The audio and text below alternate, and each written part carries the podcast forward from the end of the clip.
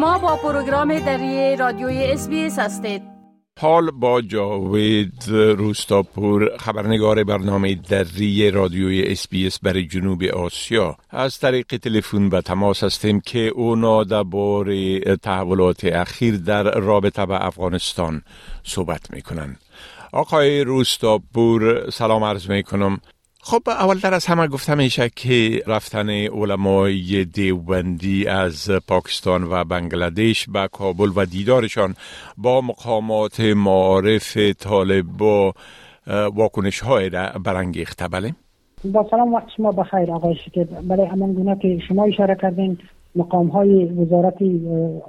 معارف طالبان گفتند که تعدادی از علمای دارالعلوم دیوبندی بنگلادش و پاکستان به کابل آمده و با مقام های این وزارت ملاقات کردند. وزارت معارف طالبان همچنان گفته که در این دیدار درباره نظام آموزشی جدید در افغانستان صحبت شده و طالبان از افزایش مضامین دینی در نظام معارف خبر دادند. کارشناسان اما از افزایش مدارس دینی به دلیل رشد و تقویت افرادگرایی در افغانستان ابراز نگرانی کردند و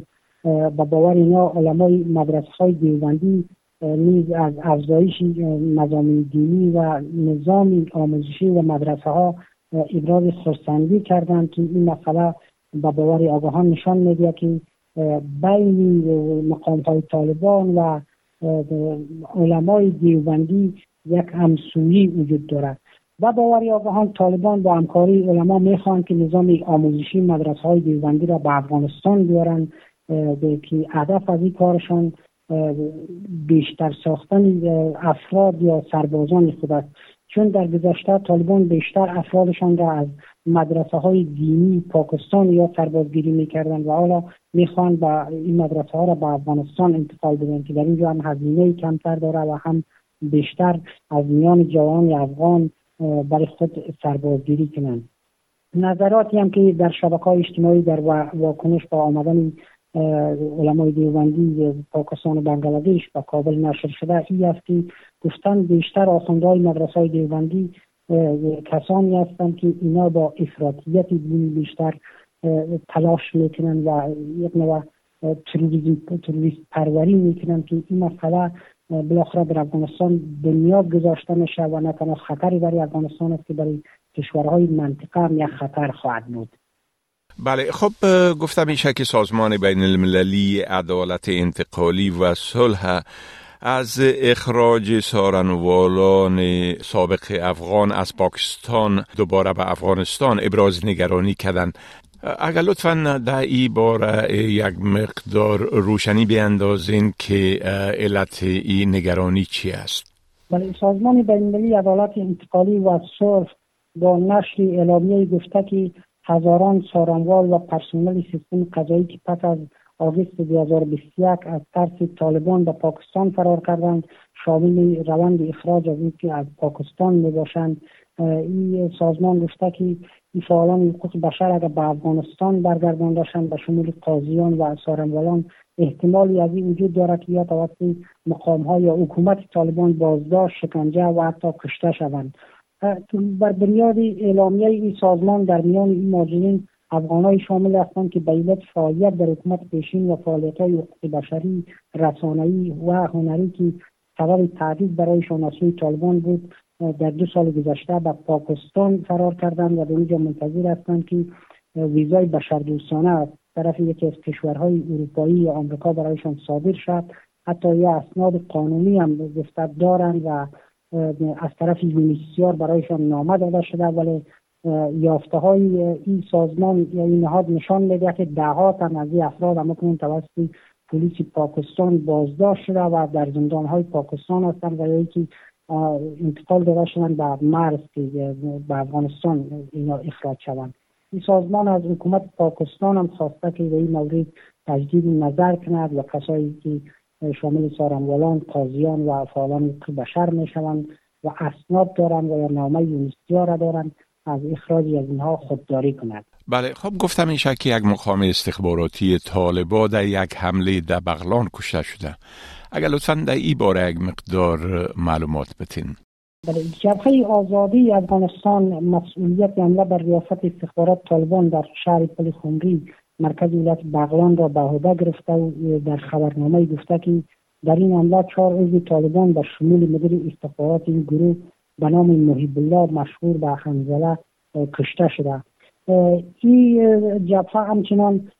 گفته که دو عضو دیگر طالبان در این حمله زخمی شدند. جبهه آزادی یک ویدیویی را در شبکه اجتماعی لحظات پس از انفجار نشر کرده که دیده می‌شد در مقابل دروازه خروجی این اداره یک انفجار صورت می‌گیرد. منابع محلی هم در ولایت بغلان به رسانه گفتن که یک انفجار صورت گرفت و پس از انفجار موترهای آمبولانس به محل رویداد آمدن و تعدادی از افراد را به شفاخانه ها انتقال دادند. این در حالی است که در چند روز گذشته جبهات مخالف طالبان حملاتی را داشتند از جمله در تخار بدخشان نورستان و همچنان ننگرهار که ادعا کردند که به این عملات تعدادی از افراد طالبان کشته و زخمی شدند. بله خب گفتم این که رهبر طالب با فرمان مسدود ساختن شرکت های یک عضو پارلمان سابق صادر کرده اگر لطفا در این باره یک مقدار معلومات بتین رهبر طالبان ملای بطلای آخونزاده دستور داده که دست کم 19 مورد از کارخانه ها شرکت ها و مراکز تجارتی عباس ابراهیم زاده عضو پارلمان پیشین افغانستان مسدود شوند. این موضوع واکنش را برانگیخته و شماری از تجاران افغانستان در گفتگو بر های افغانستان که در تبعید فعالیت می‌کنند ضمن اینکه از بازگیری طالبان شکایت کردند گفتند که طالبان از چندی به این سو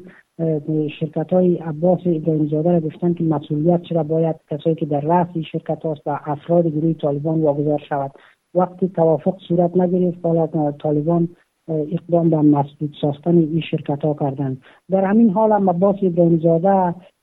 گفته که حاضر است در یک محکمه یا دادگاه بیطرفانه گفته که دفاع کند و اینکه شرکت ها کسب و کار و سرمایهش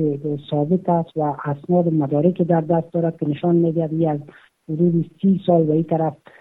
کار و بار تجارت داشته و هر آنچه سرمایه که دارد سرمایه شخصی است و کار کرده نه یکی غصب کرده و یا هم یکی از آدرس سیاسی که از پارلمان گفته از این آدرس حتی یک دلار هم استفاده نکرده و به دست نیاورده. بله خب بسیار تشکر آقای روستاپور از گزارشتان و فعلا شما را به خدا می سپارم و روز خوش برتان آرزو می کنم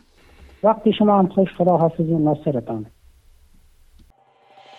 می خواهید این گونه گزارش ها را بیشتر بشنوید؟